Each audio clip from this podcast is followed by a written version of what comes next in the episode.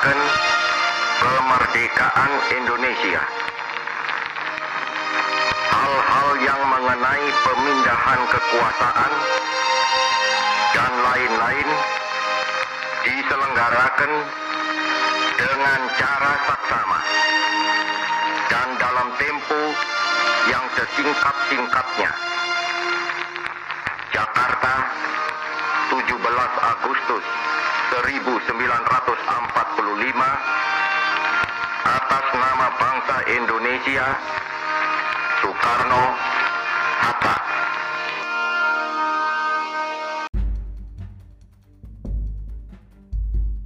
Hai, perkenalkan kita dari Instory Indonesian History Podcast with Delrin Belajar sejarah dengan seru dan tentunya asik banget. Namaku Alinda Lia Widianti absen 8 dan temanku adalah Nanda Rukmasara absen 7 Kita dari 11 MIPA 5 akan menjelaskan kepada kalian semua materi tentang proklamasi. Lebih tepatnya tentang alur proklamasi kemerdekaan Indonesia Nah, Hari Kemerdekaan Indonesia dirayakan setiap tanggal 17 Agustus. Kalian pasti sudah tahu kan? Tahu dong pastinya, tanggal tersebut bertepatan dengan momen dibacakannya teks proklamasi Indonesia oleh Soekarno di tahun 1945. Namun, perjuangan bangsa Indonesia untuk bisa merdeka dan membacakan teks proklamasi tersebut tidak mudah loh teman-teman. Bangsa Indonesia harus mengalami penjajahan dari negara-negara seperti Belanda dan Jepang selama ratusan tahun namanya. Teman-teman pastinya tahu kan kalau Indonesia pernah dijajah oleh Belanda, Jepang, dan juga Inggris selama kurang lebih 350-an tahun. Setelah melalui masa penjajahan yang cukup panjang, di tahun 1944, Indonesia mulai mencoba untuk bangkit dan menyiapkan kemerdekaannya. Ada banyak peristiwa penting yang terjadi menjelang proklamasi bangsa Indonesia. Apa saja peristiwanya? Berikut ini adalah urutan peristiwa penting yang terjadi untuk kemerdekaan Indonesia. Yuk kita simak, check it out. Yang pertama yaitu persiapan kemerdekaan. Kalau kau mau sukses melaksanakan suatu acara, pastinya butuh persiapan yang sangat matang. Sama juga dengan kemerdekaan Republik Indonesia. Persiapannya sudah dilakukan sejak lima bulan sebelumnya, tepatnya pada 1 Maret 1945. Di tanggal ini dibentuk BPUPKI atau Badan Penyelidik Usaha-Usaha Persiapan Kemerdekaan Indonesia yang dalam bahasa Jepang disebut Dokuritsu Junbi Chosakai. Badan ini diresmikan pada 29 April 1945 dan diketuai oleh Dr. Rajiman Wadyo Diningrat. Sebagai persiapan, BPUPKI melakukan dua kali sidang. Sidang pertama dilakukan pada 29 Mei hingga 1 Juni 1945.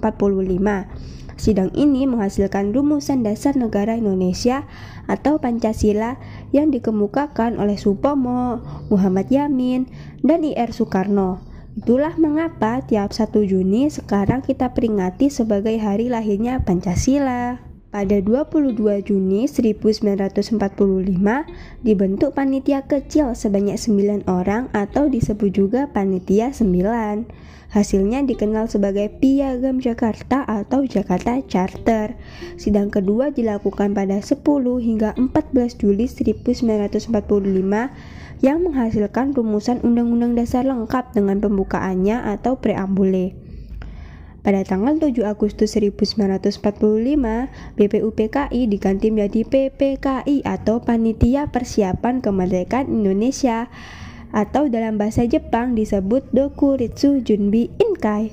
Panitia ini berjumlah 21 orang dan tugasnya adalah mempersiapkan kemerdekaan Indonesia. Yang kedua yaitu Jepang menyerah kepada sekutu. Jepang pada saat itu memang sedang menjajah Indonesia. Namun, mereka juga mengalami serangan dari sekutu saat Perang Pasifik. Pada 6 Agustus 1945, terjadi pengeboman di Hiroshima oleh sekutu. Sementara di Nagasaki juga dibom yang terjadi pada 9 Agustus 1945. Nah, akibatnya 14.000 penduduk Jepang yang menjadi korban. Wah, banyak banget ya. Hal ini yang membuat Jepang akhirnya mengaku kalah dari sekutu. Pada tanggal 12 Agustus 1945, melalui Marsekal Terauchi di Dalat, Vietnam, mengatakan kepada Soekarno, Hatta, dan Rajiman bahwa pemerintah Jepang akan segera memberikan kemerdekaan kepada Indonesia. Akibatnya, dari momen tersebut, Jepang pun akhirnya membebaskan Indonesia. Pihak Jepang mengharapkan pembacaan proklamasi kemerdekaan Indonesia dilaksanakan pada tanggal 24 Agustus 1945.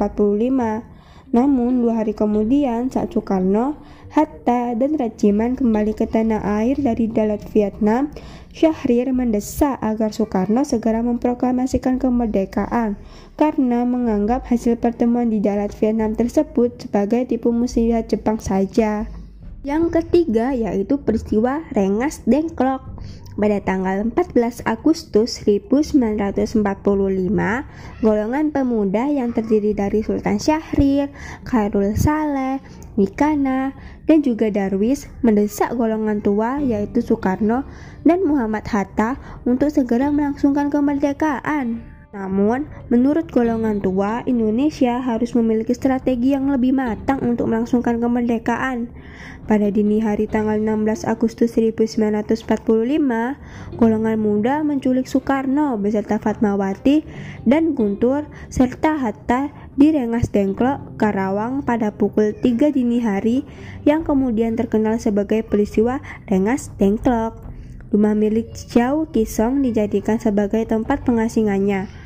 Dalam penculikan tersebut bermaksud meyakinkan Soekarno bahwa Jepang telah menyerah dan para pejuang telah siap untuk melawan Jepang. Pada tanggal 16 Agustus 1945, ada tekanan yang dilatar belakangi oleh para pengikut Sultan Syahrir yang menginginkan pengambil alihan kekuasaan oleh Indonesia. Pada siang hari, mereka berkumpul di rumah Hatta dan sekitar pukul 10 malam di rumah Soekarno. Sekitar 15 pemuda menuntut Soekarno segera memproklamasikan kemerdekaan melalui radio, disusul pengambil alihan kekuasaan. Mereka juga menolak rencana PPKI untuk memproklamasikan kemerdekaan pada 16 Agustus. Saya menghadapi pihak pemuda, pimpinan tua, dan pimpinan agama, kata Soekarno ketika berdebat dengan para pemuda yang mendesak kemerdekaan Indonesia segera diumumkan tanggal 15 Agustus 1945 silam. Yang keempat yaitu perumusan teks proklamasi. Setelah melakukan kesepakatan antara golongan muda dan golongan tua, diadakanlah pertemuan PPKI di rumah Laksamana Maeda, yaitu kepala kantor penghubung Angkatan Laut Jepang. Rumah beliau dianggap menjadi tempat yang paling aman untuk melakukan perumusan teks proklamasi. Rapat tersebut bertujuan untuk merumuskan teks proklamasi yang dihadiri oleh pihak dari golongan tua dan golongan muda pada tanggal 16 Agustus 1945. Teks proklamasi ini sendiri diketik oleh Sayuti Malik. Nah, selanjutnya bakal dijelasin sama Dela Halo, aku Della. Di sini aku mau jelasin ke kalian juga nih masih dengan tema yang sama dong, yaitu alur proklamasi kemerdekaan Indonesia. Yaitu urutan peristiwa yang kelima adalah detik-detik pembacaan naskah proklamasi. Naskah asli proklamasi ditempatkan di Monumen Nasional perundingan antara golongan muda dan golongan tua dalam penyusunan teks proklamasi kemerdekaan Indonesia berlangsung pukul 2 sampai 4 dini hari. Teks proklamasi ditulis di ruang makan di Laksamana Tadashi Maeda, Jalan Imam Bonjol nomor 1 Menteng. Para penyusun teks proklamasi itu adalah Insinyur Soekarno, Dr. Rondes Muhammad Hatta, dan Ahmad Subarjo. Teks proklamasi dibuat pada 17 Agustus dini hari atau teks proklamasi ditulis di atas helai kertas oleh Bung Karno sendiri, sedangkan Bung Hatta dan Ahmad Subarjo menyumbangkan pikiran secara lisan. Muhammad Hatta berpesan kepada para pemuda yang bekerja di kantor pers Burhanuddin Muhammadiyah untuk memperbanyak naskah teks proklamasi dan menyiarkan ke seluruh dunia. Pagi harinya, 17 Agustus 1945, di kediaman Soekarno, Jalan Pegangsaan Timur nomor 56 Jakarta telah hadir antara lain Suwirjo Wilopo, Gafar Pringgodikdo, Tabrani dan Trimurti. Rumah Soekarno sudah dipadati oleh banyak orang. Sudanco Latif Hendra Ningrat menugaskan anak buahnya untuk berjaga-jaga di sekitar rumah Insinyur Soekarno. Soekarno menunggu kedatangan Muhammad Hatta untuk membacakan naskah tersebut. Setelah Muhammad Hatta datang, upacara pun dimulai. Cara dimulai pada pukul 10 pagi dengan pembacaan proklamasi oleh Insinyur Soekarno dan disambung pidato singkat tanpa teks. Kemudian pengibaran bendera merah putih yang telah dijahit oleh Ibu Fatmawati, Latif Hendra Ningrat yaitu seorang prajurit peta, Suhud Sostro Kusumo, dan Surastri Karma Trimurti. Setelah bendera berkibar, hadirin menyanyikan lagu Indonesia Raya. Upacara berlangsung syahdu karena tanpa dikomando, para hadirin spontan menyanyikan Indonesia Raya ketika bendera dikibarkan. Upacara selesai berlangsung, kurang lebih 100 orang anggota barisan pelopor yang dipimpin Es Brata datang terburu-buru karena mereka tidak melihat perubahan tempat mendadak dari Ikada atau sekarang biasa disebut lapangan Monumen Nasional atau Monas kepegangsaan. Sampai saat ini, bendera pusaka tersebut masih disimpan di Museum Tugu Monumen Nasional. Pada tanggal 18 Agustus 1945, Panitia Persiapan Kemerdekaan Indonesia atau PPKI mengambil keputusan mengesahkan dan menentukan Undang-Undang Dasar atau UUD sebagai Negara Republik Indonesia yang selanjutnya dikenal sebagai UUD 45 dengan demikian, terbentuklah Pemerintahan Negara Kesatuan Indonesia yang berbentuk Republik atau NKRI. Setelah itu, Soekarno dan Muhammad Hatta terpilih dari usul Otto Iskandar Dinata dan persetujuan dari PPKI sebagai Presiden dan Wakil Presiden Republik Indonesia yang pertama. Yang keenam, penyebar luasan berita proklamasi RI. Berita proklamasi disebarluaskan melalui siaran radio dari kantor berita Dome. Mendengar berita ini, pihak Jepang melarang penyiaran berita proklamasi itu.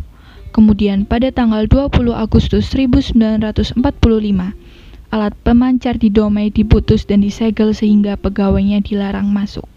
Tanpa kehilangan akal, para pemuda kemudian membuat alat pemancar baru yang mereka ambil dari alat-alat pemancar dari kantor berita Domei.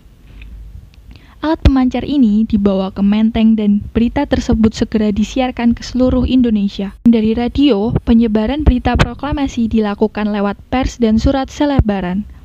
Hampir seluruh harian Jawa pada tanggal 20 Agustus 1945 memuat berita proklamasi dan Undang-Undang Dasar Negara Indonesia. Wah, untung ya para pemuda tidak kehabisan akal. Peristiwa yang ketujuh nih, peringatan setiap 17 Agustus. Setiap tahun pada tanggal 17 Agustus, rakyat Indonesia merayakan hari proklamasi kemerdekaan ini dengan meriah. Ayo siapa aja nih yang rayain? Biasanya juga banyak diadain lomba-lomba gitu teman-teman. Mulai dari lomba banyak pinang, lomba makan kerupuk, sampai upacara militer di Istana Merdeka. Seluruh bagian dari masyarakat ikut berpartisipasi dengan cara masing-masing. Itu dia teman-teman, alur menuju proklamasi kemerdekaan Indonesia. Penuh perjuangan tentunya ya. Kita harus bersyukur karena kerja keras para pahlawan yang terlibat dalam peristiwa tersebut, kita bisa hidup tenang sekarang. Dengan melihat secara jelas dan rinci, serta keinginan untuk mempelajari sejarah kemerdekaan Indonesia dan perjalanan panjang yang harus dicapai oleh bangsa Indonesia dalam mencapai kemerdekaan, tentunya akan semakin menumbuhkan rasa kecakapan dan nasionalisme pada diri kita. Sekian penjelasan materi dari kami. Tetap semangat untuk mempelajari sejarah Indonesia ya teman-teman. See you next time. Bye bye.